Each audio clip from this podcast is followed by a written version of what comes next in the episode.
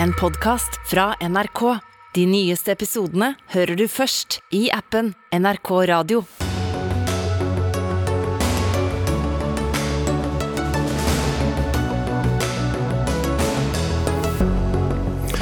Finansministeren demper folks forventninger til neste års statsbudsjett så godt han kan, og svarer direkte på hvorfor staten skal tjene seg rik på strøm og gass, mens det ligger an til å bli vanlige folks utur. Mangemillionær og MDG-medlem mener det er bra at strømprisene er så høye, for da må vi omstille oss og bruke mindre. Brann i verneverdig Jugendgård i helgen har rystet og opprørt trondhjemmerne. Hele greia burde vært revet for lengst, sier Senterpartitopp Ola Borten Moe. Og dagligvarebransjen klarer ikke å regulere seg selv når det kommer til markedsføring av usunne varer til barn og unge. Nasjonalforeningen for folkehelsen mener staten må gripe inn. Dette er deler av menyen i Dagsnytt 18 tirsdag. Jeg heter Espen Aas. Stramt, spare, kutte, løfter må vente, ikke noe handlingsrom, Hurdalsplattformen i spill. Alle disse muntre formuleringene har vært å lese fra de siste dagers oppslag eh, av regjeringens budsjettkonferanse, som starter i morgen. For i en tid der norsk økonomi går veldig bra, og der veldig få er arbeidsledige, men hvor prisene på det meste går til himmels, skal altså regjeringen om en drøy måned være festbrems med stor F når forslag til statsbudsjett legges frem. Og ansvarlig festbrems det er da deg, Trygve Slagsvold Vedum. Dere må bruke masse penger på strømstøtte, trolig til bedrifter, penger pga. krigen i Ukraina, penger til flyktninger og ellers sørge for å betale for bl.a. løpende helseutgifter i helsevesenet. Men mange lurer veldig på hvor skal dere kutte? Det er alvor nå. Og da er trygghet for folk det aller viktigste. Og noe av det som har skapt utrygghet hos eh, mange det siste året, det er den høye prisveksten. Og klart, Da må vi holde igjen på pengebruken, som gjør at vi ikke bidrar til enda høyere prisvekst. For det rammer spesielt de som har lavere og middels inntekter. Og så må vi prioritere, som du sier, programleder, forsvar, beredskap. Sørge for at det, det er trygt når vi, i den urolige verden vi er når det gjelder på det sikkerhetspolitiske. Vi må prioritere å ta imot de flyktningene som har kommet på et ordentlig vis. Men, men, hvor skal det kuttes, hvis ikke det skal brukes mer oljepenger, som du sa på pressekonferanse tidligere i dag? Ja, da er jo blant annet Det som regjeringa begynte med nå i vår, var jo å holde igjen på en del store offentlige byggeprosjekter. Eh, se om vi kan velge billigere og enklere løsninger som også løser eh, den oppgaven de skal løse. Altså F.eks. jeg sjøl sitter jo i regjeringskvartalet. Gjør det litt enklere for å klare oss å ha en velfungerende regjering, men samtidig gjøre det billigere. Vi valgte å gjøre det med NTNU. At vi valgte en billigere løsning, men som allikevel blir et fantastisk flott eh, universitetsområde. Og sånn gjør vi også på veldig mange andre eh, bygg og ulike prosjekter rundt omkring i landet. Er, men det viktigste er, for at Noen ganger så kan man framstille det litt sånn kaldt budskap når man skal si at man skal holde igjen på oljepengebruken. Men det handler jo om at det vi er veldig bekymra for, er den høye prisveksten. Og når vi er en regjering som er opptatt av fordeling, både Senterpartiet og Ap er det, så vet vi at høy prisvekst rammer hardest de som har lavest inntekter. Også en høy prisvekst over tid setter også arbeidsplasser i fare. Og nå, som programlederen sa, som er veldig bra nå, er jo at ledigheten er lav. Det er mange som har vært utenfor arbeidsmarkedet lenge som har fått seg arbeid. Og klart Det å holde folk i arbeid, det å gjøre grep som sikrer det framover, det er viktig hvis du er opptatt av fordeling og opptatt av å utvikle hele Norge. Men samtidig så uh, drar da staten inn enorme summer, bl.a. på moms uh, på strøm, uh, samtidig som vi bruker altså det dobbelte av hva vi bruker på, på politi på å dele ut strømstøtte. Men den pedagogiske utfordringen det er å fortelle til folk at dere skal håve inn da enorme summer på uh, strømskatt eller, eller, moms, samtidig som beskjeden ellers er vi må bruke mindre. Hvordan skal du få den til å, å gå opp uten å bli enda mer upopulær? Jeg tror folk ser uh, alvoret. Når man har sett den høye prisveksten som har vært det siste året, så ser man at økonomisk politikk er viktig. Nå er det mye av den prisveksten også som kommer fra faktorer som ikke vi kan styre over i Norge, altså f.eks. krigen i Ukraina. Men vi må i hvert fall gjøre det vi kan, både som regjering og også Stortinget i neste omgang. For det som er litt nytt, er at de store krisene vi har hatt altså egentlig siden år 2000, både i 2008 med oljekrisa, 2014 med Eh, det er 2008 med finans, også 2014 med oljekrisa og 2020 med korona. Der har vi kunnet bruke mer oljepenger for å løse problemene. Men hvis vi bruker mer oljepenger nå, så kommer vi til å forsterke pressproblemene. Og de som da må betale regninga, hvis ikke vi på Stortinget eller jeg i regjering da klarer å holde igjen, det er vanlige folk med vanlige inntekter. Mm. Og, det, og, det, er noe grunnleggende urettferdig. Det kan være veldig lett som finansminister å si vi bruker 3 milliarder mer her, 10 milliarder mer der, 5 milliarder mer her. Det er lett. Mm. Det er, er nok av partier som kommer til å mene at du skal gjøre det, og kanskje din budsjettpartner da SV? Hvis du gjør det der, gjør det så lett for deg sjøl, så overfører du egentlig regninga til folk med vanlige middels inntekter. Eh, og den prisveksten som vi nå har sett, den har vært tøff, den. For mange, spesielt de som ikke har så veldig mye til overs. Og så er det krevende for en gruppe til, spesielt for en del småbedrifter. For det blir vanskelig å planlegge. Hvis du skal legge inn for en pris på en ny garasje, for eksempel, så veit de ikke det, er, hvor dyre er varene. Og da må de ofte legge en større margin. Og det gjør det også over tid, hvis det blir en sånn prisvekst, så blir det også vanskeligere å få jobber. Men er også nå beskjeden til eh, vanlige folk at vi kommer ikke til å få det bedre i årene som kommer, slik eh, dere vel planla å kunne stå for? Ja, målet er jo det, selvfølgelig. Også, men, men, men, det er ikke sikkert? Nei, Det er ikke sikkert, for det er veldig urolig farvann. Og, og målet er jo å styre oss trygt til havn. Vi er i 2022, et veldig ekstremt år med krig, den uroen vi har sett. Eh, heldigvis så er ledigheten i Norge lav. Vi har en del såkalte pressproblemer. Og Da er det så viktig at vi styrer riktig, så at vi kommer oss igjennom den tida her. sånn at Når vi da kommer til havn da, og kan se tilbake på den urolige tida, så kan vi se at jo, vi har klart å gjøre valg som gjør at forskjellene i Norge ikke har økt. Vi har klart å sikre tryggheten for folk. Vi har også gjort politiske grep som utvikler hele Norge. Men mange vil også mene at uh, dere har vært uh, urettferdig fordi noen måtte få mindre. Ja, Sånn er det. Men så må man tenke altså på, på, helheten her. Og Hvis vi bare nå gir gass, så har Norge erfart det der før. På 70- 80-tallet så hadde vi veldig høy prisvekst over tid. Og det neste som da kom, var høy arbeidsledighet. Og høy arbeidsledighet og lediggang er roten til alt ondt. Så vi må bare tenke at hva er målet? Jo, målet er trygghet for folk. Målet er at okay. forskjellene skal øke. Og målet er å ha, folk, å ha folk i arbeid. Og, og, Hvis vi ikke gjør de riktige grepene, så kan vi risikere at mange flere mister jobben sin, og at det blir mer utrygt. Da tror jeg et lykke til er på sin plass når det gjelder å møte de forskjellige departementene og statsrådene når det er eh, budsjettkonferanse. Man blir sjelden populær, og jeg noterte meg at du to ganger i dag har resitert tidligere finansminister Sigbjørn Johnsen. Takk skal du ha, Trygve Slagsvold eh, Vedum. Det er jo aldri populært å være festbremsen, men eh, spørsmålet er jo om Jonas Gahr Støre og Trygve Slagsvold Vedum i det lange løp kan tjene på å fremstå som økonomiske ansvarlige. Det er kommentartid i Dagsnytt 18. Og politisk kommentator her NRK, Tone Sofie Aglen, det er jo høyst uvanlig at en, at en finansminister innkaller til pressekonferanse før en budsjettkonferanse, bare for å fortelle at det kommer ikke noe særlig gode nyheter.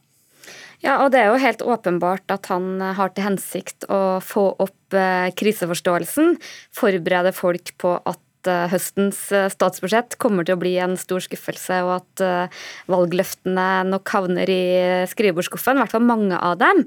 Og så er det en stor oppgave for Vedum å forklare hvorfor det er helt nødvendig å stramme inn. Og det, det er ikke bare for vanlige folk og for velgere, det må han forklare både til sin samarbeidspartner SV og ikke minst til sine egne tillitsvalgte rundt omkring i hele landet.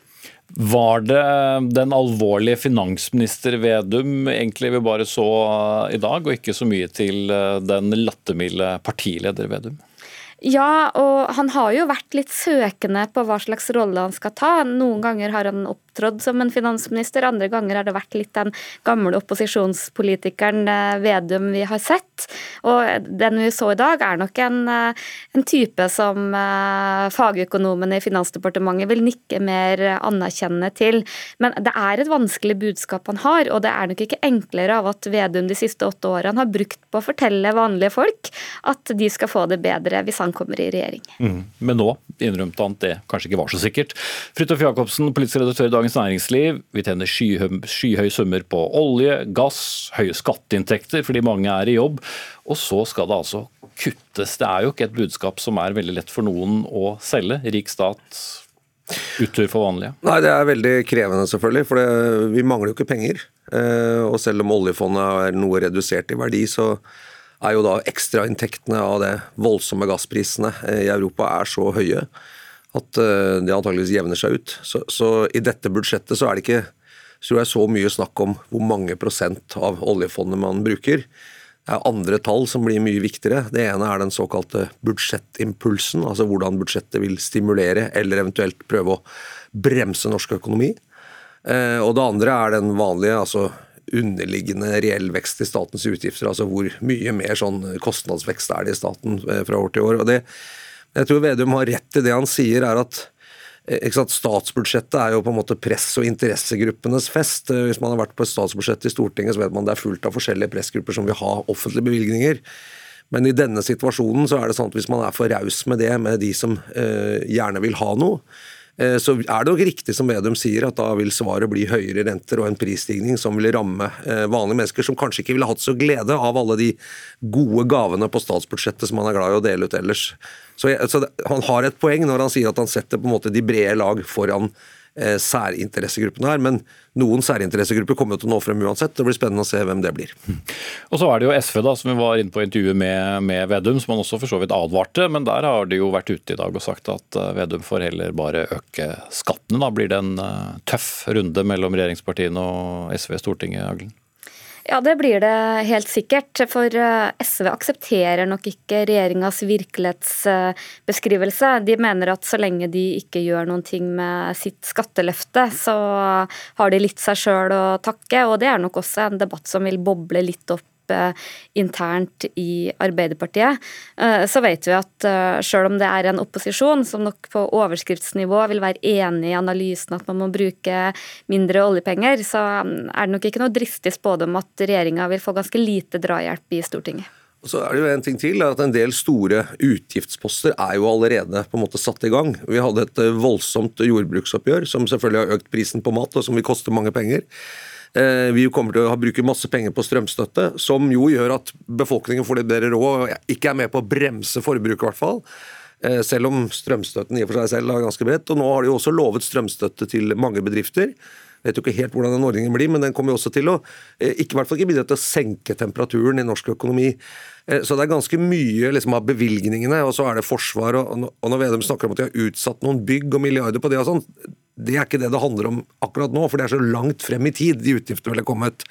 Så, så det, er, det er liksom, De har allerede gitt en del gass, ikke sant? Eh, og dermed så eh, må de jo da prøve å trekke inn enda mer. Men hvordan de skal klare det så det monner, det er ikke helt lett å se. Og, og så, men så er det også en finansminister vil jo prøve å få folk til å stramme inn livramma, bruke mindre og være mer forsiktige. For da vil Norges Bank si at ok, nå har konsumet som de sier, gått ned hos husholdningene. Dermed slipper vi å øke renta så mye. Så det er også noe med sånn, kanskje skremme folk til å bruke litt mindre penger. Få ned boligmarkedet litt og sånne ting, som gjør at det kan være en del av fortellingen. Men vi, mm. vi får se på budsjettet når det kommer hvor stramt han klarer å få det. da. Jeg er ikke det er der beviset kommer. ikke sant? Og Som du har poengtert eh, i en tekst i dag, eh, Tone Sofie Aglen, eh, Hurdalsplattformen handler jo om å øke, bruke mer og veldig lite om å bruke mindre. Blir det noe særlig av det, annet enn et litt tynt skjelett?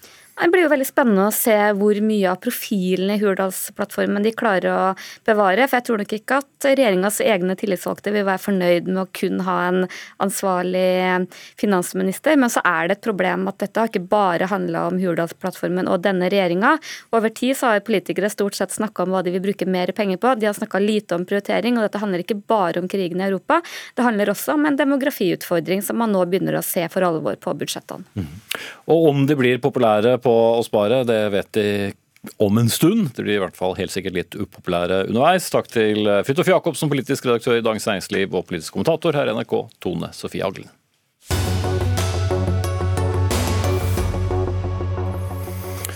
Ja, og Apropos inntekter og for så vidt utgifter, for burde landets uh, velbeslåtte kraftkommuner, som nå tjener godt på høye strømpriser, dele av sine inntekter med andre fattigere kommuner? Det er iallfall et av forslagene som uh, kom i det som kalles Inntektssystemutvalget, presenterte i går.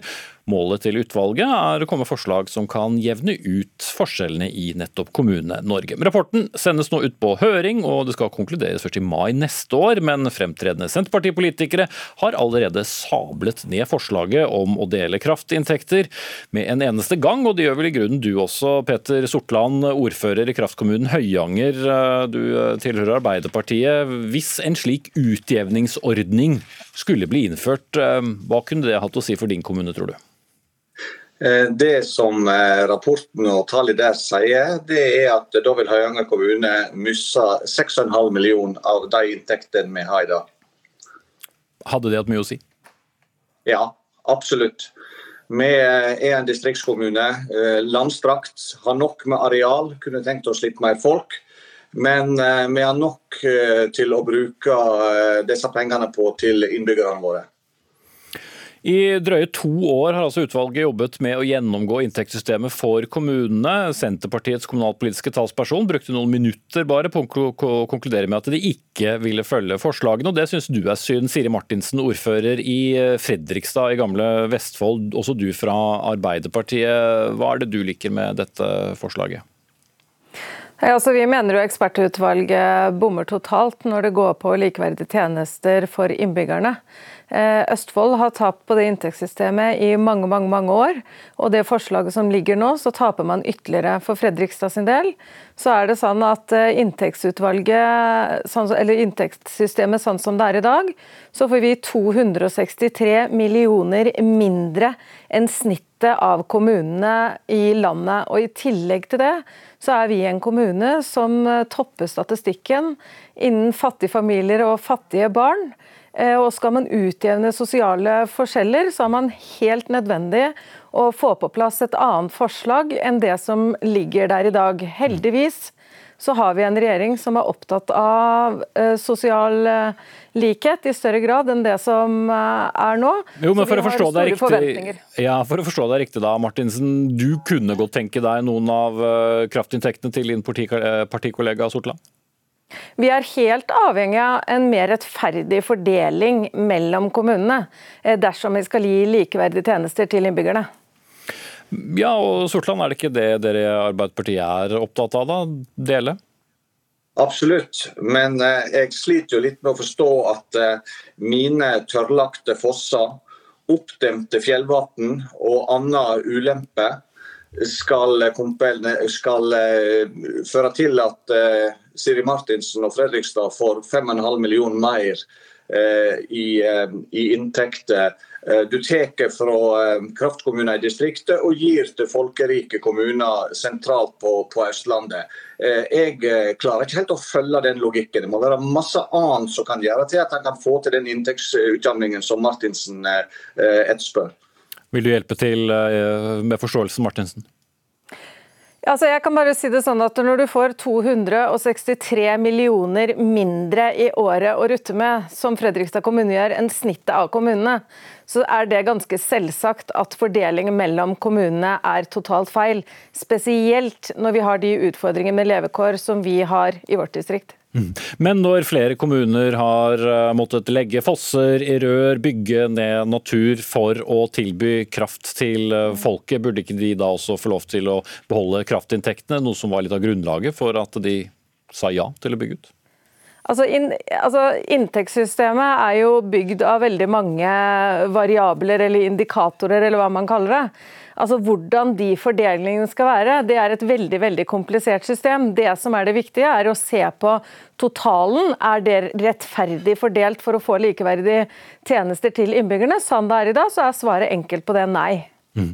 Og, Petter Sortland i Høyanger, uh, hvis rollene deres var omvendt, du, du forstår vel at uh, Martinsen gjerne skulle hatt litt mer av det du har mer av, altså penger?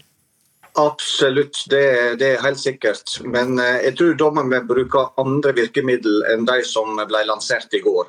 Eh, distriktskommunene, vannkraftkommunene blir utfordra nå i forhold til å ta en ledende rolle rundt det grønne skiftet. Det skal produseres mer fornybar energi. Eh, vi blir utfordra på mer vannkraft, vi blir utfordra på vindkraft, som er veldig kontroversielt i min kommune. Det er også sånn at eh, Vi har havbruks, vi er vertskommune for havbruk i kommunen vår, og havbruksfond.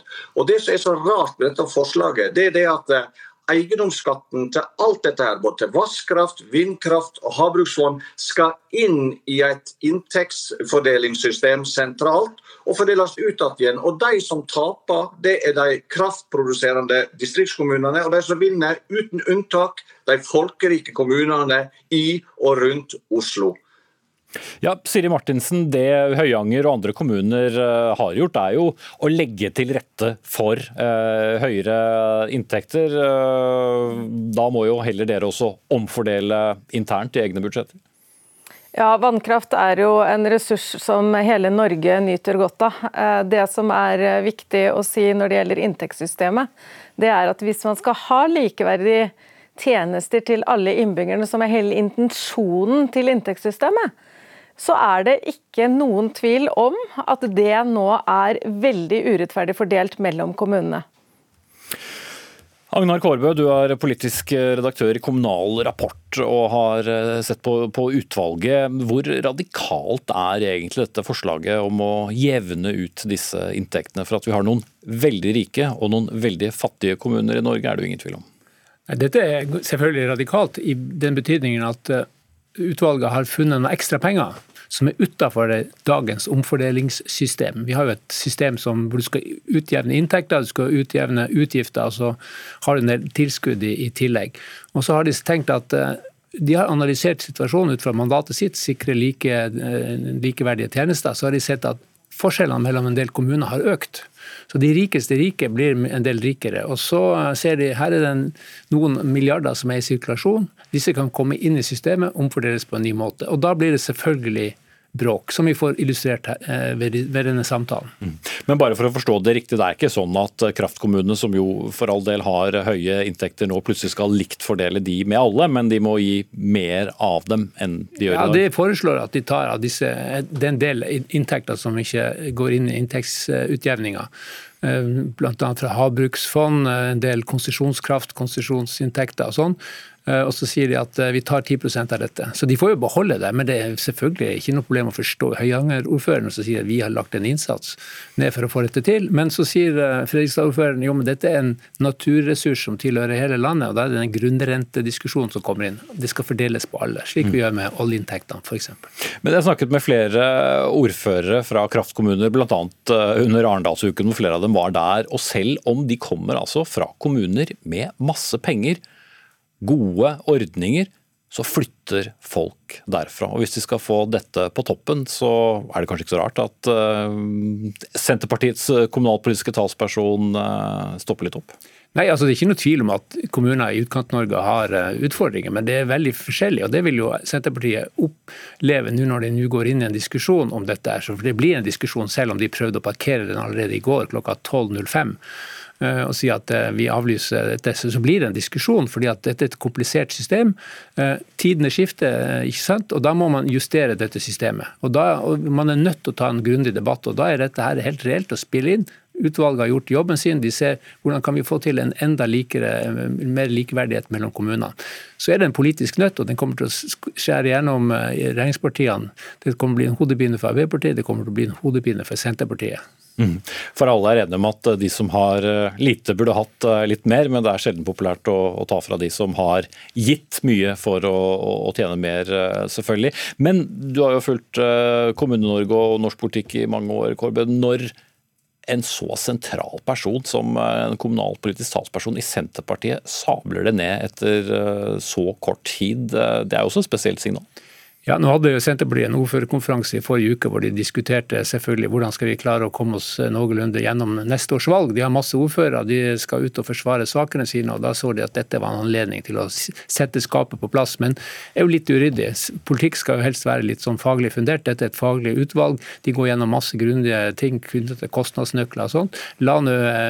Vi må få en høringsrunde, så får vi se om regjeringa rekker å bli enige fram til mai neste år. Og mai neste år er nå én ting, Petter Sortland, men det er et valg i september. Eh, kanskje ikke en, en, eh, en sak du eh, vil føle vil gå veldig godt inn i den valgkampen? Nei, absolutt ikke. Det er klart at eh, Når eh, redaktøren her snakker litt om eh, å ta litt av konsesjonsskatteinntektene, så tror jeg at han skal tenke seg litt om. Det er altså eh, en lov fra 1907, Johan Castberg, Venstre, som eh, etablerte den, og sa noe om at distriktskommuner måtte få en del av fortjenesten med å legge til rette til resten av landet. For ellers kommer det til å bli fraflytting og armod i distriktet. Og det å så plutselig si 10 nå, ja det høres kanskje ikke så veldig veldig farlig ut. Så kommer det 12% igjen gjennom to år, og så kommer det 20% om tre år, og så er du i gang. Så dette var et særdeles dårlig forslag. Vi får heller finne en annen måte å fordele eh, inntekter og kostnadsnøkler på i, i dette landet. Da er det i hvert fall høringsrunde før det blir gjort noe med i mai neste år. Og noen kraftige innspill er i hvert fall kommet både fra Fredrikstad og fra Høyanger. Vi takker av Siri Martinsen, ordfører i Fredrikstad, Petter Stortland, ordfører i Høyanger, begge fra Arbeiderpartiet, og her i studio politisk redaktør i Kommunal Rapport, Agnar Kårbø.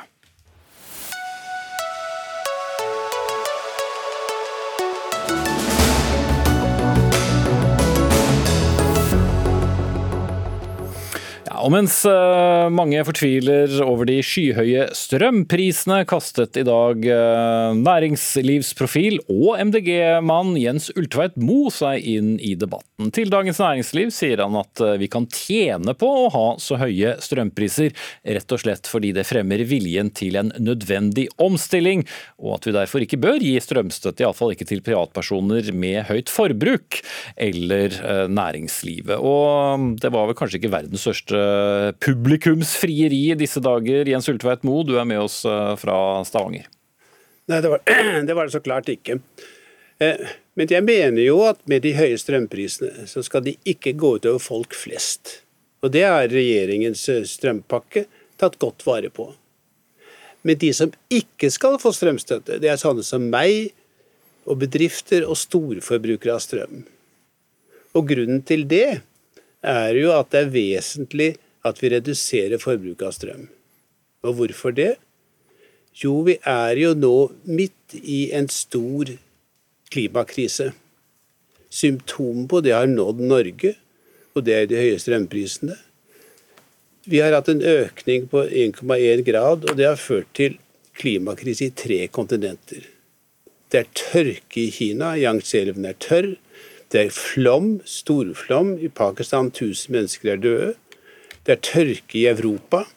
Sånn at elvene er tørre, man kan spasere rett over. atom.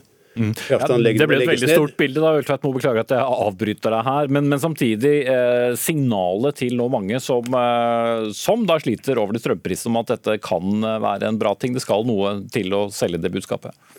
Ja, Det var godt du avbrøt meg, for listen er jo veldig lang. det er jobben min. Ja. Men, ja, ja.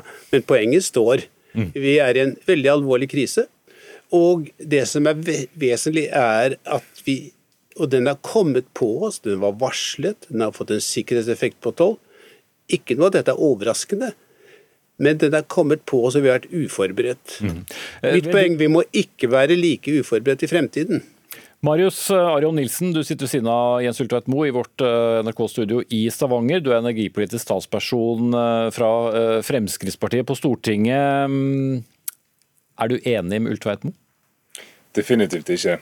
Det er fullstendig tonedøvt. Og jeg trodde jo egentlig at kanskje Ultveit Moe var feilsitert, for det er meget virkelighetsfjernt det han sier. Men jeg hører jo her nå at det er jo han ikke. Det å, å si at uh, vi skal ikke gi strømstøtte, at folk skal uh, tåle disse strømprisene, og at næringslivet ikke skal få noe støtte, det er oppskrift på, eh, på ruin hos flere næringslivsbedrifter. Og folk som sliter med å betale strømregningen, vil ikke få det enklere når de mister jobben. Dette her eh, Påstanden om at staten, eller folk flest tjener på disse strømprisene her nå, det, det faller på sin egen urimelighet. Selv, selv, om Ultveit Moe altså skiller på, på såkalt vanlige folk og de som har eh, råd til å betale for strømmen, som han selv? Ja, for all del. Ultveit Moe må gjerne betale full pris på strømmen hvis han vil, og ikke ta imot noe støtte. Det er jo strengt at det ikke en støtte heller. Det er jo Historisk har jo prisene vært 30 øre per kilowattimen. Mm. Det er det som vi har bygget landet på. og det å Kaste vrak på det nå og, og akseptere en pris på 10 kroner kilowattimen, det er helt, uh, helt Vi er i en krise, og den går ikke bort. Hvis vi løser krisen bare ved å ta symptomet, ikke grunnårsaken til det, kommer den bare igjen og igjen og igjen. Og det gjør det jo bare mye verre. For øvrig så vil jeg jo si at du siterte meg feil. Jeg er jo for den strømstøtten som er, og den dekker dette for vanlige folk. Men, for, men de som virkelig bruker mye, må få insentiv til å bruke mindre. Og det er jo at de betaler det som skal til, og da er det en god grunn til å spare strøm. Det er vesentlig. Det er ikke en god grunn til å spare strøm, det er altså en god grunn til å legge om hele samfunnssystemet vårt, og det trengs. Det er også Nilsen svarer på det. Ja, det, altså, Vårt samfunn de siste 100 årene er bygget opp på tilgang på ren og rimelig kraft. Det er derfor vi har kraftintensiv industri som produserer det vi trenger til det grønne skiftet og, og det vi eksporterer til Europa det er ikke krisen som nå har oppstått i Europa, er jo pga. En, en dysfunksjonell energipolitikk og klimapolitikk, der klimapolitikk og, og, ønsketenkning har fått forrang framfor fornuftig realpolitisk tankegang hva gjelder energipolitikk. Så har du Putin i tillegg, som da har fått denne krisen til å virkelig eksplodere. Men det er ikke det at det er en klimakrise som gjør at vi har disse prisene her i Norge nå. Det er tilknytningen vår til Europa nå som har eh, ekstreme priser. Men du tror ikke å redusere forbruket vil ha en positiv effekt? Jo, for all del, det vil selvfølgelig gjøre. Men nå, har vi allerede, altså, ta, nå er vannfyllingsgraden så lav i magasinene i sør at vi taper 1,1 TWh i året pga. mindre, lavere virkningsgrad. Så hvis du snakker om energieffektivisering og spare strøm, så har du faktisk 70 000 husstander bare der. Så det er jo første vi må få gjøre, er å få normalisert fyllingsgraden og prisene. Eh, økt forsyningssikkerhet og gjøre sånn at vi kan hjelpe Europa med det som monner. og Det er jo olje og gass som vil kunne hjelpe Europa gjennom denne krisen. Ja, Vi er jo faktisk enige i at det er en feilslått klima- og strømpolitikk. Og Det er hovedgrunnen til at vi har dette problemet når klimakrisen har slått inn. Den har ikke bare slått inn i Europa, den har slått inn i Norge også, eller for mer presis på Østlandet. Det er derfor vi har så lite vann i magasinene, og det er derfor vi har de høye prisene. I tillegg er jo kommet at Putin bruker gass som våpen i sin krig. Det får jeg håpe vi ikke får gjentagelse på. Men det at, at, klimaendringene gjør at vi får store variasjoner i regn, nedbør, gjør jo at vi må forberede samfunnet vårt på å gjøre oss sikrere mot slike ting i fremtiden. Og Det betyr jo både å bruke mindre strøm, det gjør vi med høyere pris, en høyere pris gjør jo også at det blir mer lønnsomt å bygge ut fornybart. Vind, eh, sol. Det gjør det jo også ekstremt lønnsomt å drive med olje og gass. Eh, men der tar jo staten inn en god del av pengene. Ja, Nilsen, eh, det er jo en villet politikk den veien langt på vei?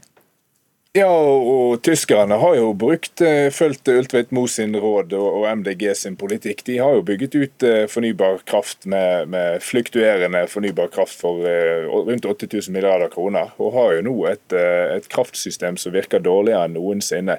Det er ikke oppskriften på verken å unngå krise eller normalisere prisene og følge MDG sin, sin politikk her. Det er rett og slett oppskriften på en større katastrofe.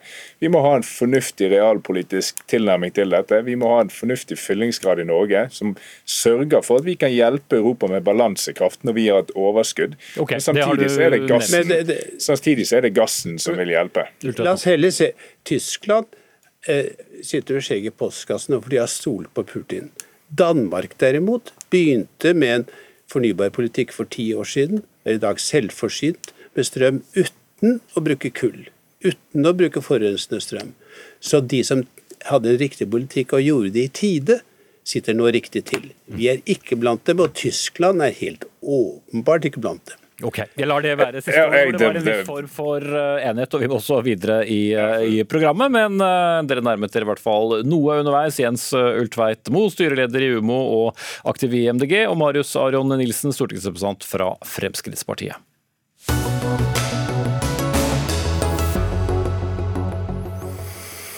Da skal det handle om kongeparet faktisk i Dagsnytt 18. De er på sin første fylkestur etter pandemien og er nå på Sykkylven i Møre og Romsdal. Og nå i ettermiddag hadde kongen og dronningen møte med pressen.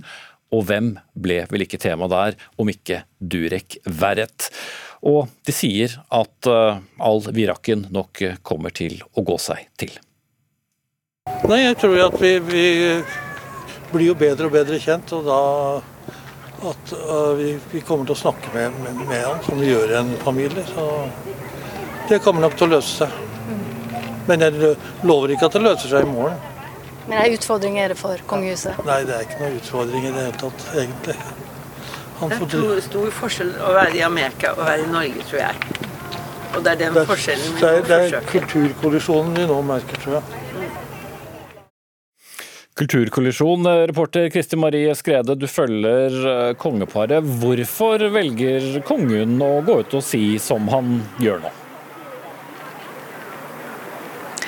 Ja, først og fremst fordi han fikk spørsmålet fra pressa i dag. Eh, Men òg fordi at eh, det gjennom sommeren igjen har bygd seg opp kritikk rundt eh, Durek Verrett sine mange påstander som han legger ut på sosiale medier i sine kanaler. Påstanden om at en medaljong var det som skulle til for å kurere han mot covid, og ikke hjelp fra leger. Det fikk bl.a. En statssekretær i Helse- og omsorgsdepartementet til å kalle han en farlig sjarlatan. Så kritikken er så omfattende, de får nok mye respons på dette her rundt omkring, så nå valgte de altså å si litt om hvordan de som familie håndterer dette her. Eh, Kongeparet svarer jo som kongepar eh, ofte gjør, da, men hva ligger i at eh, dette er en prosess? Det ligger vel i det at dette her rett og slett er ganske vanskelig. At eh, som dronninga sa, dette er for store forskjeller på kultur. Eh, det er veldig vanskelig å, eh, å, forstå en amerikaner som uttaler seg sånn som Durek Verrett gjør, og at dette er blitt å vokse seg til et ganske utfordrende situasjon for kongefamilien. Og så er det sånn at det er fryktelig vanskelig å kritisere sine egne. Eh, eh, Svigerforeldre vil jo ikke kritisere en kommende svigersønn, og iallfall ikke kongeparet.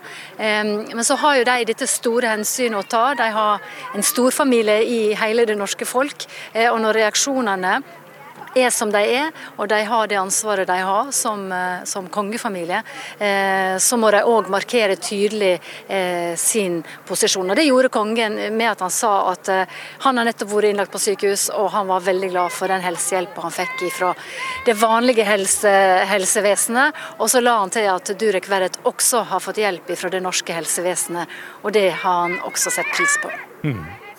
Som en slags svar kanskje på alt dette rundt denne medaljongen. Takk skal du ha, reporter Chris Marie Skrede, som eh, følger kongeparet.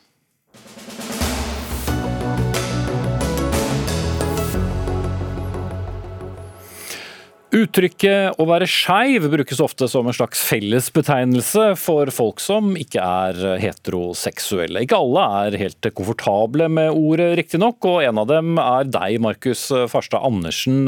Det er ikke noe skeivt med homofili, skrev du i en ytring på nrk.no, og velger heller å kalle deg bifil. Hvorfor ikke skeiv? Jeg, for første er skeiv et veldig sånn upassende og negativt lada ord. Jeg som lever i et samskjønna forhold med en, en gutt, er opptatt av å normalisere homofili. Og samtidig er jo også skeiv et ord som mange forskere ser på blir brukt på folk med ulike seksuelle fetisjer og BDSM. Og da syns jeg det er litt feil å bruke det, på, bruke det på når vi skal beskrive homofili. Runar Johnsen, du er også med oss på linje. Du, kre, du trives med å være i denne kategorien eh, skeiv. Hvorfor passer det? Altså, jeg jo, jeg har alltid følt meg annerledes, og folk har sagt til meg at jeg er annerledes. Og jeg har ikke følt at jeg passer inn i kanskje de tradisjonelle båsene som man har for folk med andre seksuelle legninger. Så da jeg på en måte fant det begrepet skeiv, så syns jeg det passer meg veldig godt. For det definerer min annerledeshet på en måte som jeg syns eh, ja, er bra for meg, da. Mm. Eh, Andersen, hvis vi går til, eh, til selve ordet eh, skeiv, eh, altså, hva, hva er det med, med, med selve ordet som gir deg feil assosiasjoner? Eh, For det første er jo det et veldig negativt lada ord, som vi var på helt i starten. Men samtidig blander litt både kjønnsidentitet, legning og seksuell fetisjme, som er, etter min mening er tre ulike ting. Og så er LHBT-samfunnet eh, er et veldig stort sexfokus i det, og da syns de ikke at vi skal eh, øke fokuset ved å bruke slike begrep.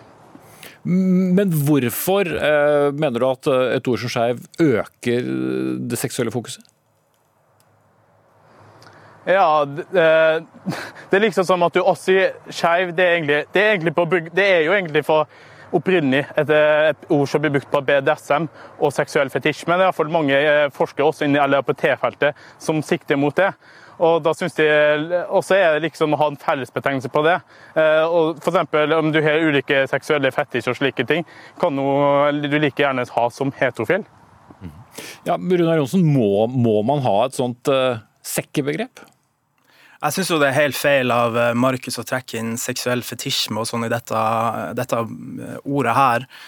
Det skeiv handler om er jo at man har et paraplybegrep for dem som føler seg annerledes. Dem som bryter med de normene, dem som ikke kan passe inn i de forskjellige båsene. Og jeg syns det er fint for Markus at han har definert seg som bifil, og det må han for all få lov til å gjøre. Det respekterer jeg aksepterer, akseptere, men da syns jeg også man burde akseptere at andre folk ser på seg sjøl som skeiv. Men eh, skal man ha ett uttrykk da, Runar Johnsen, som både skal beskrive deg hvis du er uh, bifil, eller om du er uh, homofil, eller da altså en, en, en, rekke forskjellige begreper skal, skal, samles her? Altså Det som begrepet skeiv i dag, det brukes jo om mennesker med ikke-heterofil legning som ikke ønsker, eller som ikke vil, eller som ikke har noe mål i å definere seg som en av disse båsene. Da. Og da syns jeg det er fint å ha et begrep som flere kan samle seg om, og kan bli på en måte et fellesskap innenfor det. da, At man ikke trenger å velge. Mm. Andersen, må, må man overhodet ha noen, noen merkelapp? Enten samkjønnet eller skeiv, eller hva du vil? Nei, det må jo selvfølgelig ikke. Men problemet er jo at eh, det blir så mye brukt når, det er, når betydningen av det er så vid. Jeg mener at det, Betydninga er altfor vid, at det rommer altfor mye, som vi nevnte nå i starten. Og Det ser jo litt med LBT-samfunnet. Eh, og Litt av grunnen til at skeiv kom som begrep, er jo akkurat fordi at det skal være en samlebetegnelse på veldig mange bokser. Det, I det, det LHBT-miljøet er det nesten som et hierarki, og det tror jeg egentlig ikke er noe sunt for alle. Det er heller ikke noe sunt for debatten, for det kan fremmedgjøre helt vanlige folk til å delta i Eh, debatten omkring seksualitet og skjønn. Jonsen. Ja, altså Det som jeg syns er viktig å huske på i det her, er jo at eh, den skeive bevegelsen, eller LHBT-bevegelsen, er jo en bevegelse som rommer mange forskjellige ulike folk. Og da tenker jeg at det er vanskelig å enes om det begrepet, men jeg syns at begrepet skeiv, som både kan handle om seksualitet, men også kjønn, eh, det syns jeg er et veldig fint begrep å bruke, fordi det er flere som kan føle at de tar eierskap til den de er. Der uh, takker vi dere av, Markus Farstad Andersen og Runar Johnsen.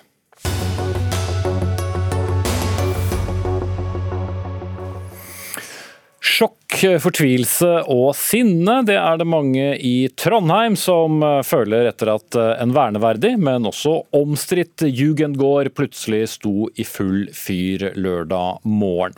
I dag har politiet sagt at eh, brannen den kan være påsatt. Dere som følger Dagsnytt 18 på TV, ser nå noen av bildene fra brannen i helgen. Bygården fra 1911 har fått tilnavnet Jugenddronninga, og det har lenge vært strid om hva som skal gjøres med den. Etter brannen er bygget, som ingen bodde i, eh, total skadd, men du er ikke blant dem som har felt noen tårer for det som nå har skjedd. Ola Borten Moe, eh, forsknings- og høyere utdanningsminister fra Senterpartiet, men også selv født i, i Trondheim. Dette er en gård som ble revet for lenge siden. Var det, var det nå du skulle minne om det? Så La meg begynne med å si at regjeringa har ingen synspunkt på denne gården, og det har heller ikke jeg som forsknings- og, og høyere utdanningsminister. Men jeg satt i bystyret for Senterpartiet sist vi behandla eh, saken rundt både denne bygården og, to bygårder som ligger lenger ned i Elgesetergate. Eh, den gangen stemte jeg eh, for å rive dem, og det er fordi at Elgesetergate nå er det gateløpet i Trondheim som etter mitt skjønn fremstår som mest utrivelig, som har dårligst bokvalitet og der vi har egentlig størst problem med å få til en fornuftig og miljøvennlig byutvikling. Og Årsaken til det, det er jo et altfor trangt gateløp. Som gjør at du ikke får brede fortau, du får ikke etablert sykkelvei, du får ikke plass til noe trær eller noe som er grønt. Og så trenger du to trafikkløp i begge veiene, både for at du skal ha kollektiv og fordi at sykehuset ligger rett nedenfor, så du kan ikke sperre for utrykningskjøretøy, naturlig nok. Det er bakgrunnen for det synet du hadde den gangen du var lokalpolitiker, som er helt riktig. Men så har du da minnet om det du har syntes om, om dette bygget nå da, noen dager etter brannen, som har satt en del andre følelser i, i sving. Hvorfor var det, ja, det viktig å minne om det nå? Det, var, det vet ikke jeg hvor mye følelser det er som er satt i, sving, men min observasjon er at veldig mange mener veldig hardt og veldig intenst om denne eh, Jugendgården. Vi har mange jugendgårder i, eh, i Trondheim, både i Elgesetergate og ned i sentrum. Mange av dem er, er veldig flott og godt ivaretatt. Eh, de her byggene har det ikke bodd folk på mange mange år. Eh, det står i innkjøringa eller innfartsåra til Trondheim og fremstår egentlig som alt annet enn en pryd for byen. Så anerkjenner jeg at det er ulike hensyn, at folk kan mene ulike ting om det her. Eh, men nå har denne gården da brunnet opp. Den er bort Og, og totalskadd. Og det bør jo etter mitt skjønn da Eh, være et godt utgangspunkt for å diskutere hvordan man kan få til skikkelig byutvikling og trivelig og miljøvennlig gate i Elgesetergate, som er et kjempeproblem i Trondheim. Diskusjonen blir nok. Trond Aam, du er bystyremedlem i Venstre i, i, Trondheim og med oss eh, fra byen. Du har stått i spissen for en redningsaksjon for å bevare jugendgårder i området. Men hvorfor er en fraflyttet og delvis forfallen gård så viktig å bevare? Eh, altså, Det er jo feil premiss å si at det her bare handler om den ene gården. Eh, nå er jo rett nok gården i seg selv, hvis man ser bort fra forfallet, så er det en ikonisk gård. Eh, godt synlig for alle som kommer inn til Trondheim fra sør.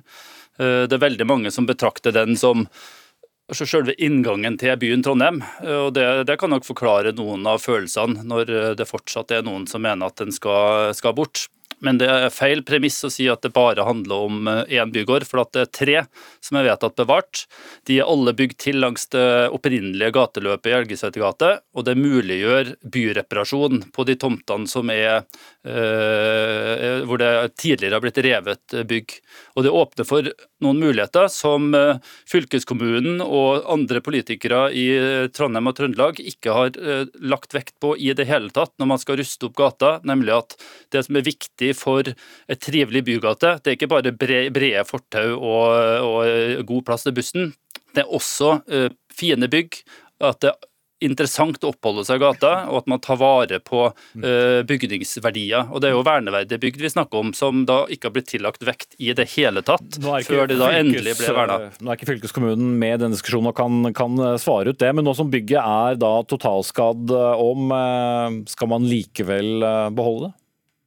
Altså Byantikvaren har jo sagt at uh, det kan reddes, at skallet er intakt. Og hvis man trekker en sammenligning, Britannia Hotel, som er byens perle i dag, var også bare et skall uh, da de begynte med renoveringa. Så, så lenge uh, fasaden er intakt og selve bygården er intakt, så skulle det ikke være noe veien for å rehabilitere den. Men da haster det med å få tørka opp og, og gjort ting. Så jeg håper jo virkelig at, at det blir fortgang i det, dersom man finner ut at det er mulig å redde den. Bortmo. Det er helt sikkert teknisk eh, mulig å redde denne bygården hvis man bruker nok penger på det. Eh, spørsmålet er om det er fornuftig.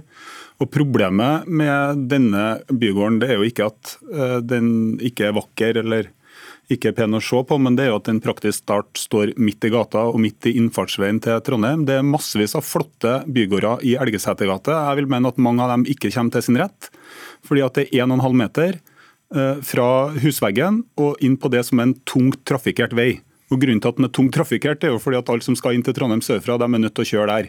Eneste måten vi kan gjøre, løse det på, det er å få et gateløp som er bredere. og Det er jo det Trondheim kommune har jobba med i nesten to generasjoner. og Det er jo derfor det er bare de her tre bygårdene som står igjen. Burde man nå benytte anledningen etter denne brannen da og gjøre det du mener burde gjort for lenge siden? Jeg mener jo at man burde ha gjort det eh, allerede for noen år siden når vi behandla det i bystyret eh, sist. Det valgte jo bystyret ikke å gjøre. og så vil jeg jo mene at Nå har jo premissene endra seg litt, fordi at eh, denne bygården nå har brunnet ned. og Da kan man jo se på saken på nytt, og så har man da mulighet til å få til et gateløp og i byutvikling Elgesetergate, som både er bra for framkommelighet for buss, som skaper et mye mer eh, miljøvennlig og klimavennlig bomiljø, og som gjør at de resterende bygårdene, som også er jugendgårder, kommer til sin rett og kan fremstå i all sin prakt. Mm. Men du håper fortsatt på en redningsplan òg? Eh, definitivt. og det er Et annet viktig premiss her som er feil, og det er jo at det er ikke lenger en seksfelt boulevard som eh, er det fylkeskommunen og andre ønsker. Det skal bare være fire trafikkfelt inn til byen. og Det gjør at eh, hvis man river ikke bare den ene, men da de to andre gårdene også, så står man igjen med at man skal ha bredere fortau. Og det er jo ingen by med respekt for seg sjøl som river verneverdig bebyggelse for å bygge bredere fortau. Altså, det, det, det er jo helt gang- og sykkelvei, og så er det jo også noe som heter beplantning eh, og støyskjerming. Ja, men det er sykkelgate i eh, sidegata, og det er meningen at hovedveien for sykkel skal forbli det der. Så det, det, man trenger jo ikke to sykkelveier når man kan redde viktige jugendgårder i Trondheim. Det er virkelig ikke bra at man har så lite å spille på for å lage ei trivelig og velfungerende gate i det som er det viktigste innfartsløpet til Trondheim sentrum sørfra. Mm. Ja, jeg synes det er viktig at det er noen bygg og noen som bor der man går på fortauet. da. Hvis det bare er fortau, så blir det jo ganske kjedelig. Det er jo som å ha E6-en i hagen, sånn som det er nå. Men uh, Trond Omden, altså, jeg har jo sett uh, på sosiale medier også kommentarfelt der uh, Borten Moes kommentar dukket opp. Det er en gård da som setter i verk sterke følelser enten for eller imot. Hvorfor det, tror du, som fortsatt er lokalpolitiker? Altså, I 2013 så var det ingen som tenkte på muligheten at den gården her faktisk skulle reddes, for at det var så innarbeida hos alle at dette var en del av denne boulevarden. Men etter hvert som folk har innsett at bussen ikke trenger det arealet, så har stadig flere fått øynene opp at det faktisk går an å redde den. Og det er en gård som mange syns er fin, som er ikonisk og som er et tydelig tegn på at nå kommer du inn i en by. Og det er jo ingen by, altså heller ikke Trondheim bygges det så fint eh, som man bygde for 100 år siden, dessverre. Så alle skjønner jo at hvis man driver jugendgårder, så får du ikke noe som er finere igjen. Og Det er jo et, et, sentralt problem her da, som jeg tror mange politikere ikke legger tilstrekkelig vekt på. Men gjerne bedre plass da, Ola Borten Moe? Akkurat i dette tilfellet så bør det jo ikke være sånn at man tar bort bygården for å bygge noe annet og, og prøve å få på plass et annet arkitektonisk uttrykk. Det må jo være fordi at man gjennomfører det som har vært planen hele tida, nemlig å få til en uh, miljøvennlig og god tilfartsvei fra uh, sørfra og inn i byen. Og Det er som jeg sa, det er en ekstremt tungt trafikkert vei. Det kommer til å være det, for uansett så er det massevis av busser og kollektivtrafikk som skal inn, og massevis av varetransport. Og så er det jo endelig sånn at Sykehuset ligger jo i dette området, og man kan ikke klare seg med to felt, rett og slett fordi at utrykningskjøretøy til enhver tid er nødt til å å komme frem. Og så bor det mye folk der. Og nå vil jeg mene at etter at vi fikk ordna opp på Lamoen og i Nærhetsveien, så er dette Trondheim bys klart mest trafikkerte og utrivelige gateløp. Og den eneste måten du kan ordne opp det for, for dem som faktisk bor der, og de bor ikke i disse bygårdene, for de har vært fraflytta i tiår, det er å lage et godt, bredt gateløp. Tipper det blir nye runder og diskusjoner om dette. Takk til Ola Borten Moe, her ikke egenskap av statsråd, men tidligere politiker i Trondheim, og Trond Aam, bystyremedlem fra Venstre i Trondheim bystyre.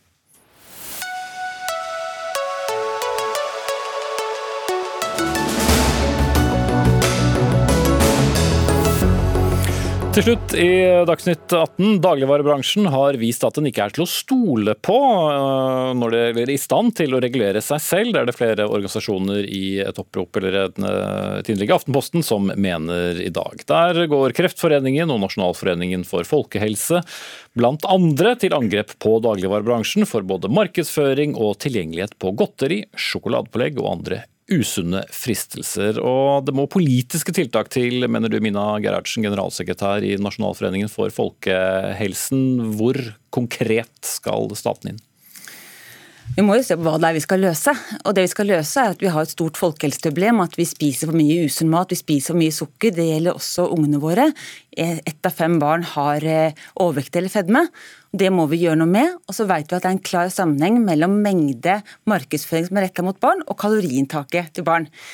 Så vi ser jo land rundt oss som har tøffe planer nå for å beskytte barns helse. Ved å forby f.eks. For reklame for godteri og is og brus lage regler for når på døgnet man kan sende den type reklame, få godteri vekk fra kassa. Det skjer rundt oss, mens i Norge har vi overlatt det hele til bransjen. De lager reglene sjøl, de vokter over dem sjøl, og det regelverket er så fullt av hull at det er veldig vanskelig å stoppe noe som helst. Hva, hva skulle de ha gjort, da?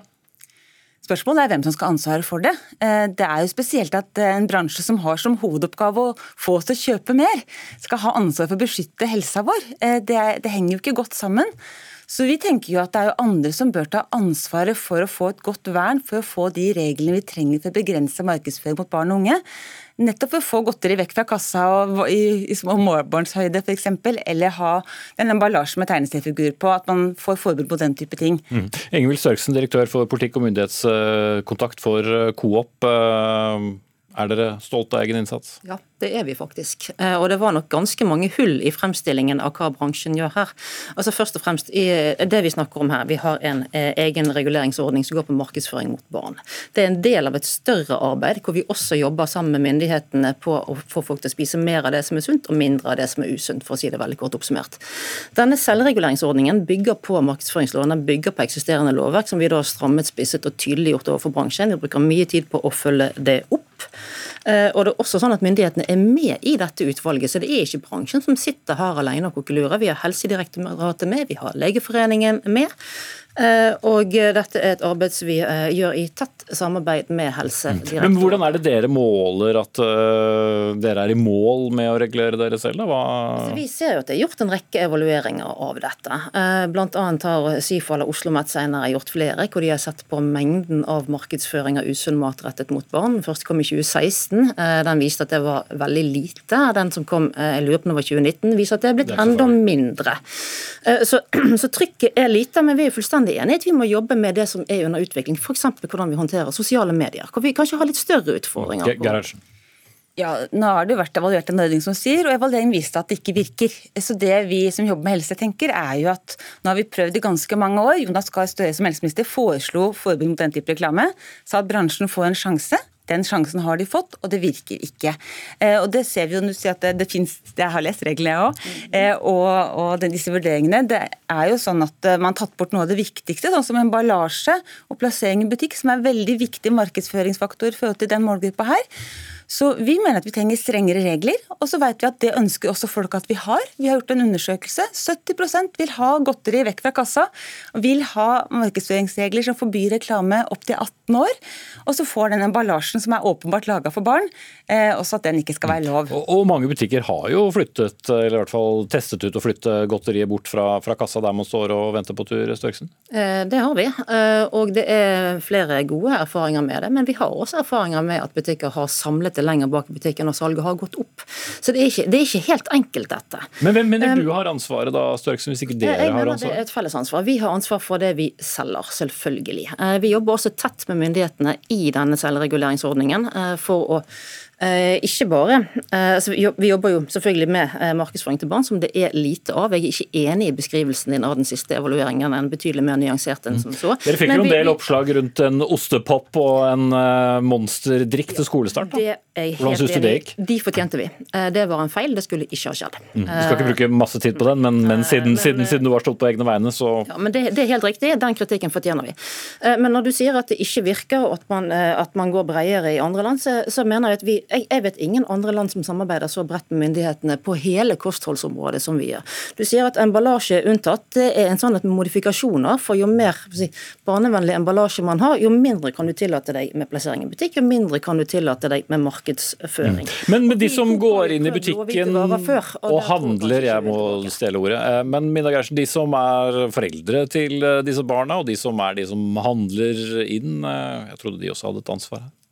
Alle har et ansvar for egen helse og egen valg, selvfølgelig, men vi påvirkes jo alt rundt oss. Det er jo en grunn til at bransjen bruker mye penger på reklame, og det at reklame virker.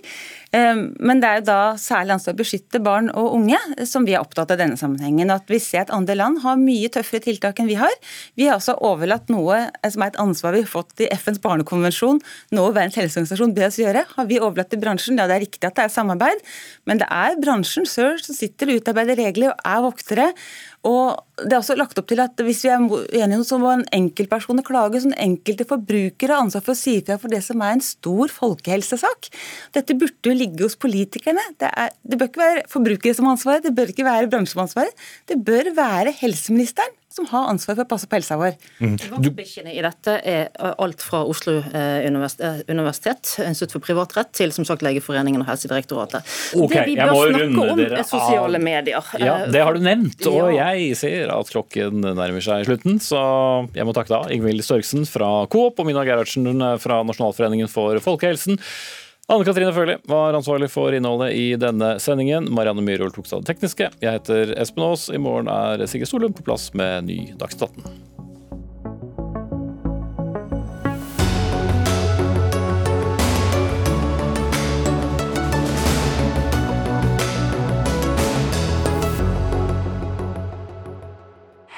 En podkast fra NRK. De nyeste episodene hører du først i appen NRK Radio.